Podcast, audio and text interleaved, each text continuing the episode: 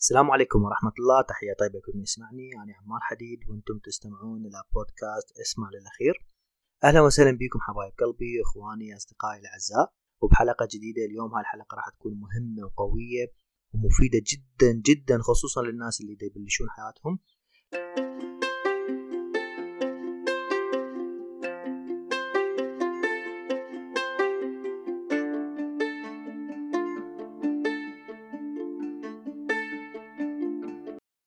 تنويه تنويه تنويه. إذا أنت ما راح تكمل هذا الفيديو أو هذا الأوديو اللي راح تسمعه للأخير غادر الفيديو أو الأوديو لطفا.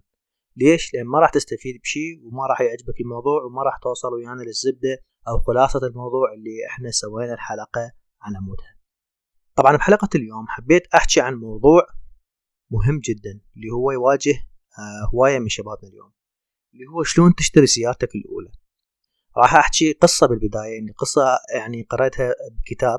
هاي القصة ألهمتني أو أنطتني الفكرة أو أنطتني الحافز إنه أني شلون أسوي رأس مال أجمع به هذا رأس المال وبعدين أشتري سيارتي الأولى.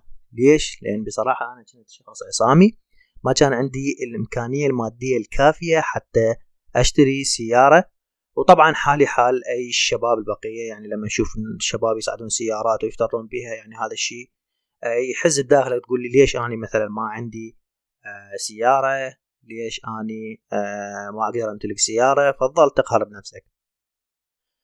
سنة 2013 أنا بلشت الكارير مالتي كنت متخرج شاب آه، عاطل عن العمل ما عندي أي فرصة ما أشتغل شغلات بسيطة آه، صاحب بسطية لبيع الخضروات. فكان المال اللي يجيني عن طريق هاي البسطية يا دوب يكفي سد احتياجاتي الأساسية أو النقص الأساسي اللي عندي بحياتي. فما يكفيني إنه أني مثلا أجمع حتى أعيش خلينا نقول الرفاهية المطلوبة أو أحصل على الشغلات اللي أنا أحلم بيها أو مثل ما يحلم بها كل شاب اللي هي السيارة. الأولى. إلى أن إجا يوم من الأيام لقيت كتاب. هذا الكتاب اللي غير حياتي. هذا الكتاب لما قرأته قلب حياتي رأسا على عقب. كتاب هو عبارة يعني عن 100 صفحة مو كبير الكتاب لكن كل كلمة بيه كل جملة بيه كل صفحة بيه تتعلم من عندها درس. كل شيء مكتوب بهذا الكتاب هو قصة يعني تاريخ قصة آه ناس عبر التاريخ شلون كبروا هذول الناس وشون توسعوا شلون آفاقهم نظرتهم للحياة نظرتهم للاستثمار للمال شلون هم كانوا يفكرون. فهذا الشيء يعني ألهمني أنه أشتري سيارتي الأولى أو بصراحة ساعدني أنه شلون أشتري سيارتي الأولى. طبعا إذا تتساءلون عن هذا الكتاب وشنو هذا الكتاب وشنو موضوعه وين هذا الكتاب موجود الكتاب هو قديم وليس جديد. الكتاب اسمه أغنى رجل في بابل من تأليف آه الأمريكي جورج كلاسون. قام تأليف هذا الكتاب 1920 طبعا الكتاب هو يعني مقتبس من ألواح طينية تم العثور عليها في مدينة بابل القديمة اللي هي موجودة في العراق. آه هاي الألواح لقوها لقوا بيها دروس وحكم مهمة جدا يجب وضعها في كتاب. مثل ما قال جورج كلاسون المؤلف يقول أنا لما لقيت الألواح الطينية أو لقيت آه، أغنى رجل في بابل كنت أني آه، غارق بالديون. لكن بعد ما طبقت الاستراتيجيات اللي قريتها والأمور اللي شفتها بهاي الألواح الطينية وضعيتي تغيرت 180 درجة. بلش يفك الديون مالته بلش وضعه يتحسن بلش آه، يوصل مرحلة جميلة جدا بحياته. زين شنو قصة هذا الكتاب؟ أو شنو قصة أغنى رجل في بابل؟ طبعا أحداث الكتاب تدور حول شخص اسمه بانسر. هذا بانسر آه كان من أحد سكان بابل القدماء مدينة بابل المعروفة قبل آلاف السنين. هذا بانسر كان يشتغل صانع مركبات. يعني يسوي مركبات اللي هي الخشبية ويسوي لها إطارات مع إطارات بذاك الوقت. فتشي بسيط. كان هذا الشخص طبعا من يشتغل هاي الشغلة يجي دخل محدود جدا فكان محبط جدا يعني كان يباوع بحسن شديد المنزل المتواضع. كان يشوف آه آه الناس الأثرياء شلون عايشين فيباوع عليهم بحسرة. أيضا بانسر كان مثل حال كثير من البشر يحلم دوما أن يصبح رجل ثري وعنده شأن عظيم بالمدينة.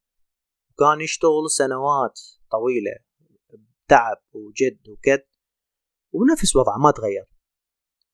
بالإضافة إلى ذلك أكو صديقة كوبي. كوبي نعم طبعا هو كان عازف قيثارة. مثل ما نعرف إحنا بكل مجتمعاتنا لازم كل صديق عنده صديق ثاني يشاركه همومه يطرح له مشاكله يشكي له يشوف شنو اللي مضوجه. كوبي أيضا كانوا بالرغم من إنه عازف قيثارة بذاك الوقت أو بذاك الزمن ما ما أحد من عندهم متمكن إنه يحقق حلمه. بالكاد إنه كانوا يسدون احتياجاتهم الأساسية. يوم من الأيام التقى كوبي صديقه بانسر. وكانوا يفكرون بقصة سبب عدم حصولهم على المال الكافي. قعدوا سوية يشاركون همومهم كالعادة يشكون يتذمرون. بس هالمرة تختلف. شلون؟ هالمرة صفنوا على نفسهم قالوا إحنا ليش ما نحصل على المال الكافي؟ ليش ما نحقق حلم الثراء المادي اللي إحنا نحلم به بالرغم من إنه إحنا نعيش بمدينة مثل بابل هاي المدينة الجميلة الممتلئة بالثروات والكنوز العظيمة من ذاك الوقت. ففجأة كوبي تذكر شغلة واقترحها على بانسير. قال له تتذكر صديق طفولتنا أركاد؟ اللي كنا إحنا صغار سوية طبعا أركاد البطل الثالث أو البطل الأساسي للقصة هو كان في ذاك الوقت أغنى رجل في بابل. لكن يعني بالرغم من أنه كان أغنى رجل في بابل كان يتميز بشخصية حكيمة جدا ومتواضع للغاية وكان يحب يساعد الآخرين. بانسر عجبته الفكرة. قال له صحيح هذا صديق طفولتنا وغني وعرف شلون يوصل ويحقق أهدافه وأحلامه. خلي نروح ونشوف أتوقع راح يساعدنا توكلوا بانسر وكوبي وبعض الأصدقاء الآخرين اللي حالتهم مثل حالة إخواننا هنا الاثنين راحوا لأركاد قالوا له أركاد السلام عليكم. إحنا جايك اليوم حتى نطلب من عندك مساعدة. قال لهم تفضلوا شنو رايدين من عندي؟ قالوا له إحنا نريد نسألك شنو سر تحقيقك لهاي الثروة الهائلة؟ وشلون أنت وحالك أو أو غيرك من الأغنياء وصلتوا لهاي المرحلة؟ تقدر إحنا تساعدنا على هذا الموضوع؟ لأن إحنا بصراحة نريد نصير أغنياء ولكن ما نعرف شلون. صفن اركاد وقال لهم أكيد أنا رحب بكم أنتم أصدقائي وطالما عندكم الرغبة في تعلم أسرار صناعة الثروات. آني حاضر وآني راح أساعدكم. بلش أركاد يشرح لهم مبادئ وقواعد التعامل مع المال. فأهم فكرة كانت إنه شلون أنت تتعامل ويا المال. ليش؟ كل شخص بينا بهاي الحياة لازم يتعامل مع المال بطريقة أو بأخرى. قليل أم كثير. لازم راح يجي مال. بس الفكرة وين؟ الفكرة إنه أنت شلون راح تتعامل ويا هذا المال اللي يجيك. فبلش أركاد يحكي لهم على قصة نجاحه هو وتحقيقه للثروات وبلش يسرد لهم القصة من الأول إلى أن وصل الوضع الحالي. من الجدير بالذكر إنه أركاد ما كان شخص متفوق دراسيا على أصدقائه. طبعا هاي القصة يعني كثير من الناس المشاهير حاليا أو الأثرياء أغنى أغنياء العالم. نفس الفكرة ما كانوا متفوقين دراسيا على أصدقائهم. أيضا أركاد هو ما كان ابن عائلة كبيرة ذات شأن حتى مثلا يجي ورث من عندهم أو يجي فد شيء آه، فلوس يورثها أملاك. بالعكس كان حاله حال باقي أصدقائه اللي هم من الطبقة المتوسطة. لكن اللي كان يميزه مرحله الشباب أو اللي كان يميزه بمرحلة شبابه هو هو رغبته الشديدة بتحقيق الثروة الضخمة.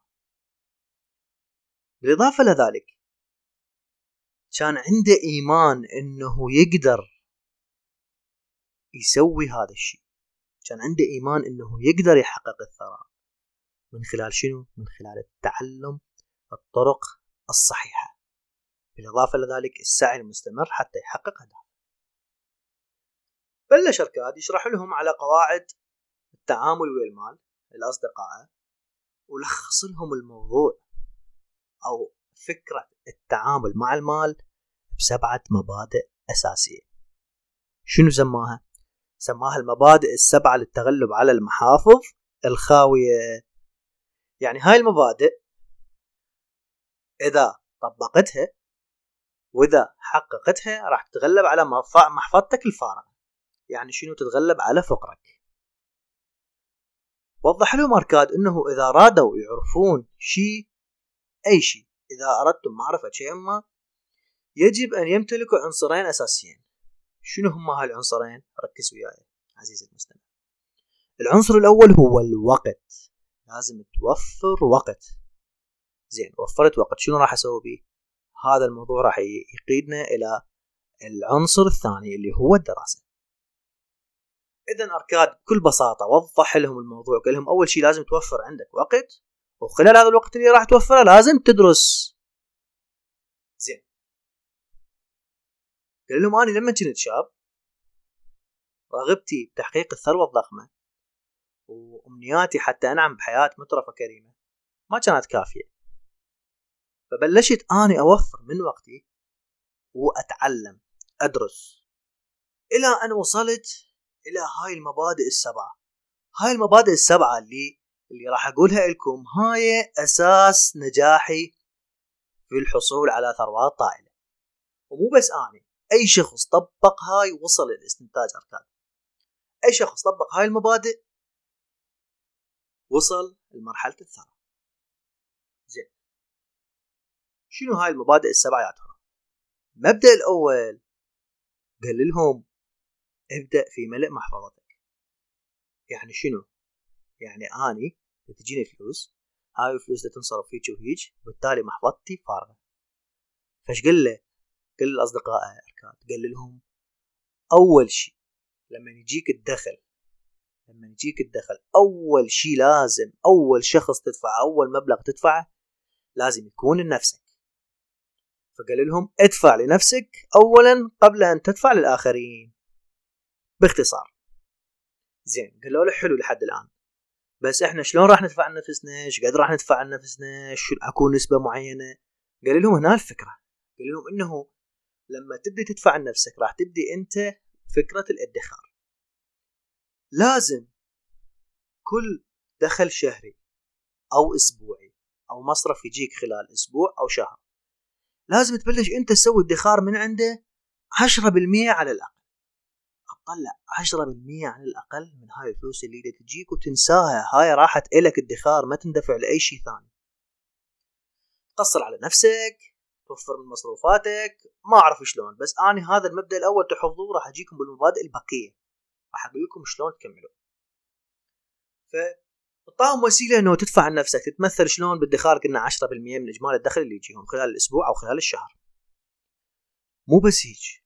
أنت حتى تسيطر على الموضوع أو حتى تنجح بهذا المبدأ لازم تخلي الموضوع عاده يكون عندك عاده مستمرة. ومو مهم إذا كان دخلك كبير أو دخلك كان صغير ما له علاقة. هاي العادة تبقى وياك اللي هي ابدأ في ملء محفظتك. إذا طبقت هاي الخطوة فأنت خطيت الخطوة الأولى في طريق صناعة الثروة. وبعدين قال لهم أركاد كلمته الشهيرة أن الثروات تصنع من بذرة صغيرة. وإذا انتظمت في الاعتناء بها سوف تنمو وتزدهر مع الوقت. يعني هذا الادخار أو المبلغ العشرة بالمئة راح يجيك. إذا تستمر تكبره تهتم به تحافظ عليه ما تصرفه شوي شوي يكبر. بذرة مثلهم يا مثل بذرة. ليش؟ لأن مدينة باب القديمة كانت مشهورة بالزراعة. فحاول يقربوا لهم الفكرة برأيي. أعطاهم مثل إنه البذره تصير نبتة وبعدين تصير شجرة وبعدين تعطي ثمار. هذا المبدأ الأول. المبدأ الثاني شنو كان؟ قال لهم يا محفوظين السلامة المبدأ الثاني هو التحكم في نفقاتكم. فأركاد وجه أصدقائه إلى ضرورة التقليل من الإنفاق هنا. شلون؟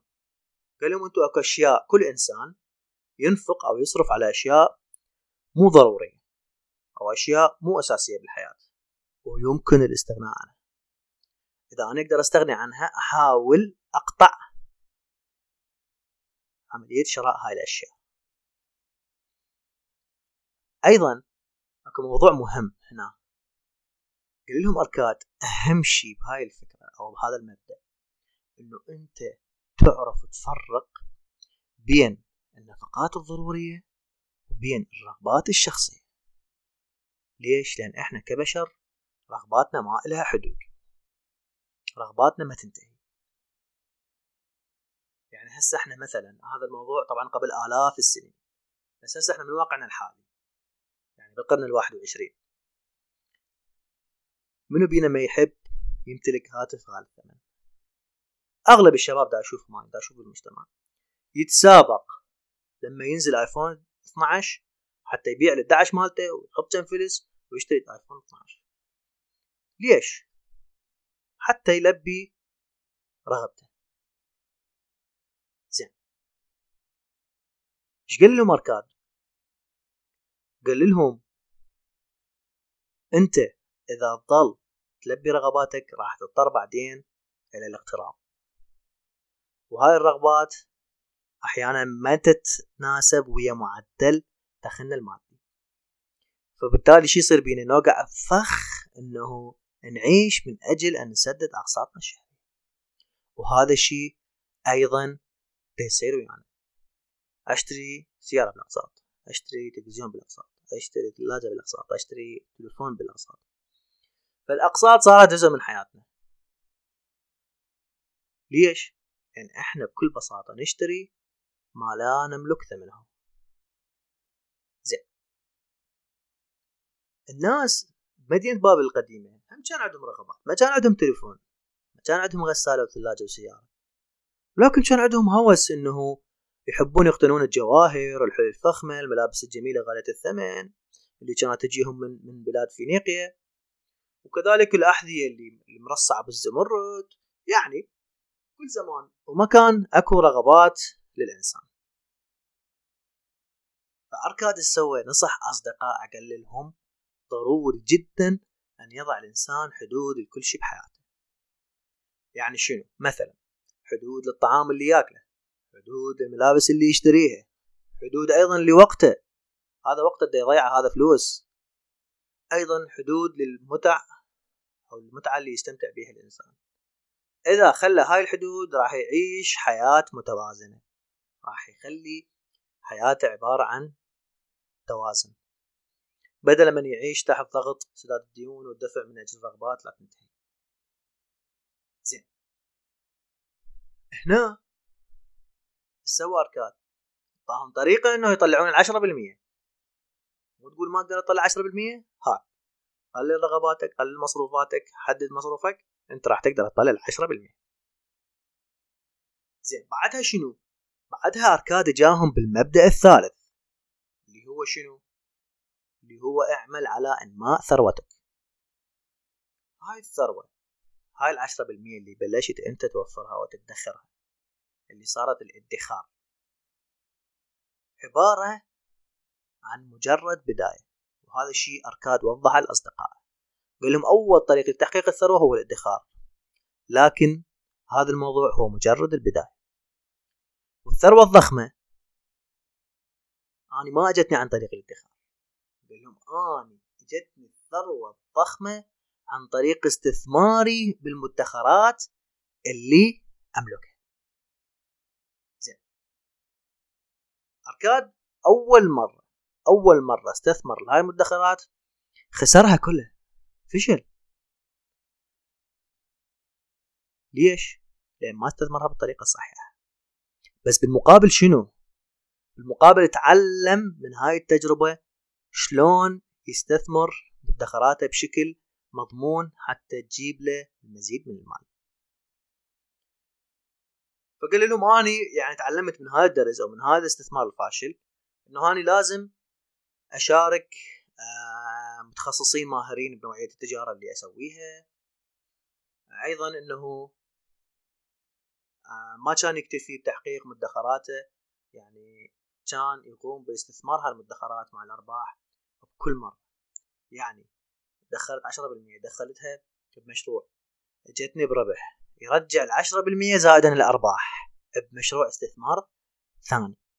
ليش؟ لأن كل مرة هاي المدخرات يدخلها بالاستثمار راح ترجع له بعائد أكبر من الأرباح اللي يقوم ممكن استثمارها مرة ثانية. ثالثه ورابعه وهكذا حتى تجيب له المزيد من المال. لحد الآن حلو. وصلنا للمبدأ الرابع. قال لهم أوكي أنتوا بلشتوا تصرفون تعطون مصرف لنفسكم. ثاني شيء بلشتوا تدخرون وقطعتوا المصاريف الغير ضرورية. ثالث شيء بلشتوا تكبرون مدخراتكم عن طريق شنو؟ عن طريق الاستثمار. وصلنا المبدا الرابع قال لهم انه أنتم لازم تتعلمون أيضا شلون تحافظون على ثروتكم من الضياع. حافظ على ثروتك من الضياع. فقال لهم لازم تتعلمون شلون تحمون رأس المال الخاص بكم. وانطاهم عدة نقاط مهمة جدا. اللي هي أول شيء قال لهم أنت لازم تتعلم تحافظ على المبالغ القليلة. تتعلم حمايتها قبل أن يصبح في إمكانك كسب المبالغ الكبيرة. وهذا الموضوع مهم جدا حتى بحياتنا العادية حتى بوقتنا هذا. كثير من الناس ما يعرف شلون يدير المال فجأة جت فلوس هواية ضاعت. ليش؟ لأن ما علم نفسه شلون يدير المبالغ الصغيرة. أنت إذا ما علمت نفسك شلون تدير المبالغ الصغيرة شلون تريد تدير المبالغ الكبيرة؟ النقطة الأخرى الهامة اللي ذكرها ركات قال لهم إنه أنتم لازم ما تنخدعون بالمكاسب الكبيرة. في حالة وجود احتمالية لخسارة رأس المال. شلون؟ أكو فد مشروع يقول لك هذا المشروع خلينا نقول تجارة بالأسهم أو غيرها يعني إذا أنطي مثال من زمن الحالي. أكو إمكانية تربح أكو إمكانية 50% إنه أنت تربح ضعف المال. لكن في نفس الوقت أكو إمكانية 50% إنه أنت تخسر كل المال مالك. فهاي أركاد وضحها وقال هاي انخداع بالمكاسب الكبيرة. وأكو احتمال كبير جدا إنه أنت تخسر رأس مالك بسبب هيجي مراهنات. النقطة الأخرى اللي ذكرها كمبدأ للحفاظ على ثروتك من الضياع إنه أنت ما تسوي شراكة ويا أي شخص برأس مالك قبل ما تتأكد من شنو؟ قبل ما تتأكد من سمعته أمانته وأيضا خبرته العملية. هل هذا الشخص أمين؟ هل هذا الشخص سمعته نظيفة؟ هل هذا الشخص يفتهم بمجال العمل اللي ناوي أدخل إياه بالاستثمار؟ لو لا فما ورط نفسي بواحد كل شيء ما يفتهم وبعدين أخسر كل شيء أيضا قال لهم اركاد لازم قبل ما نقرر الاستثمار بأي مجال لازم شنو لازم نطلع على مخاطر الاستثمار بهذا المجال كل مجال ممكن تستثمر به أنت ممكن تواجه مخاطر. لازم تدرس هاي المخاطر وتعرفها كل الزين قبل ما تدخل بالاستثمار مالتك. أيضا طلب من عندهم إنه أنت تستشير الناس المتخصصة أو الناس المتمرسين بهذا المجال من الاستثمار وتعرف إنه شلون يتعاملوا ويا الموضوع حتى تعرف شلون تتعامل ويا المال مالتك. المبدأ الخامس اللي ذكر أركان وهذا المبدأ لحد الآن ماشي بزمننا اللي هو اجعل منزلك استثمارا مربحا. وجه أركاد أصدقائه النصيحة ذهبية قال لهم استثمروا بالأصول الثابتة. طبعا الأصول الثابتة مصطلح حديث يعني من المصطلحات المالية. واللي أنا نشرته بكورس الثقافة المالية على التويتر مالته وعلى الإنستغرام إذا تحبون تشوفوا آه فوجههم من ذاك الوقت إلى الاستثمار بالعقارات اللي هي تعتبر أصول ثابتة في زمننا الحالي. ليش؟ لأن الاستثمار بالعقارات مفيد جدا. ليش؟ لأن تتضاعف قيمة العقارات بمرور الوقت. يعني مثلا اليوم اشتريت قطعة طراف المدينة. شوي شوي التوسع العمراني مستمر ما يوقف اشتريتها لنفرض ب 20 مليون. شوي شوي جتي مثلا مشروع خدمي بصفة شارع تبليط صارت 25 مليون. صارت مثلا اكو بنايات ناس بلشت تجي صارت 30 مليون. اجى مثلا فد تجمع تجاري قريب عليها صارت ب 40 50 مليون. فتتضاعف قيمة الأصول الثابتة بمرور الزمن والوقت. فطلب أركاد من أصدقائه أنه لازم يسعون حتى يمتلكون المنازل الخاصة بهم. ليش؟ لأن راح تخلصهم من شغلتين. أول شيء التخلص من الإيجارات ثاني شيء إلى استثمار هاي المنازل. المبدأ السادس اللي ذكر أركاد قال لهم اضمن دخلا ثابتا في المستقبل. ليش؟ لأن مبدأ ضمان الدخل الثابت بالمستقبل يساعدك على ضمان حياة كريمة. شو وقت؟ مرحلة الشيخوخة. اتعب تلعب انت بعدك شاب بعدك فيك حيل تقدر تشتغل. ف بعدين من تكبر وتصير كبير بالعمر توصل مرحلة الشيخوخة ما راح تكون قادر على العمل بنفس القدرة اللي كنت تشتغل بيها بمرحلة الشباب. ففكر أركاد عفوا طلب أركاد من أصدقائه بالتفكير بمصادر دخل يمكنهم من خلالها ضمان مصدر دخل ثابت بالمستقبل. يعني تشتري لك عقار وتأجره تسوي لك محل وتأجره. يعني فتشي أنت قاعد بالبيت بتجيك من عنده فلوس. زين. المبدأ الأخير اللي هو السابع اللي ذكره أركان. زد من قدرتك على الكسب. شقد ما تقدر؟ قدر الإمكان باوع على طرق الكسب مالتك. عندي اثنين ثلاثة طرق كسب بالشهر أخلي target لازم أخليهم خمسة وستة.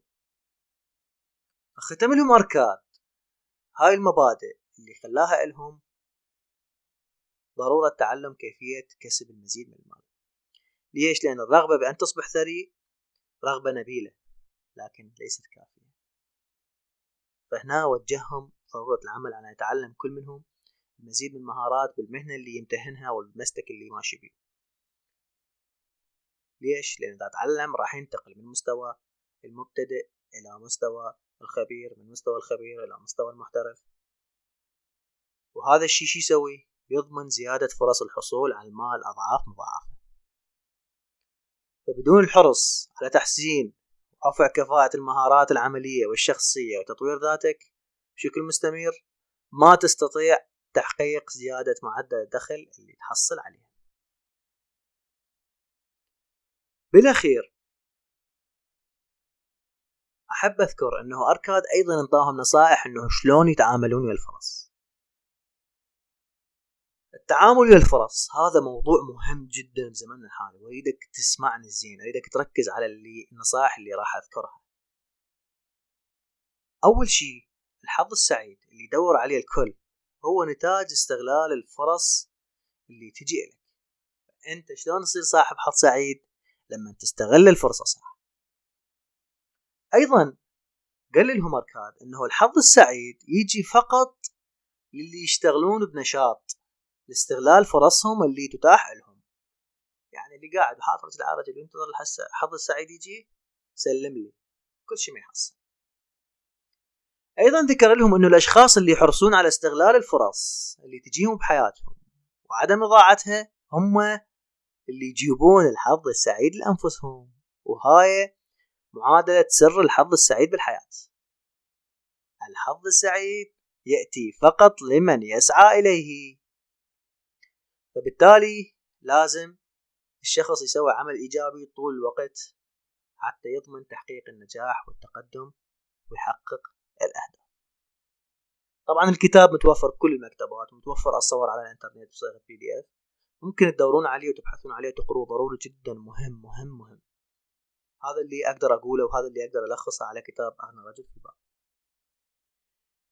نجي الآن إلى قصتي ويا اغنى رجل في بابل هذا الشخص شلون أثر علي؟ طبعا اغنى رجل في بابل اركاد أثر علي بكثير من الأمور بحياتي وأنا ذكرت بعضها في كتابي أفكار حرة. لكن أكو فد شيء ما ذاكره أبد. أكو فد سر أول مرة راح سر حتى عائلتي ما تدري بيه. اللي هو شلون اشتريت سيارة عن طريق الاستلهام بكتاب افكار آه عفوا كتاب أغنى رجل في باب شلون هذا الرجل خلاني أفكر شلون حرك عقلي؟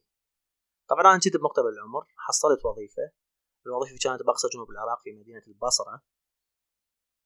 بلشت أشتغل براتب لكن الراتب كان يعني مثل ما ذكرت يا دوب يكفيني آه على قضاء حوائجي الشخصية واحتياجاتي اللي الأساسية بالحياة.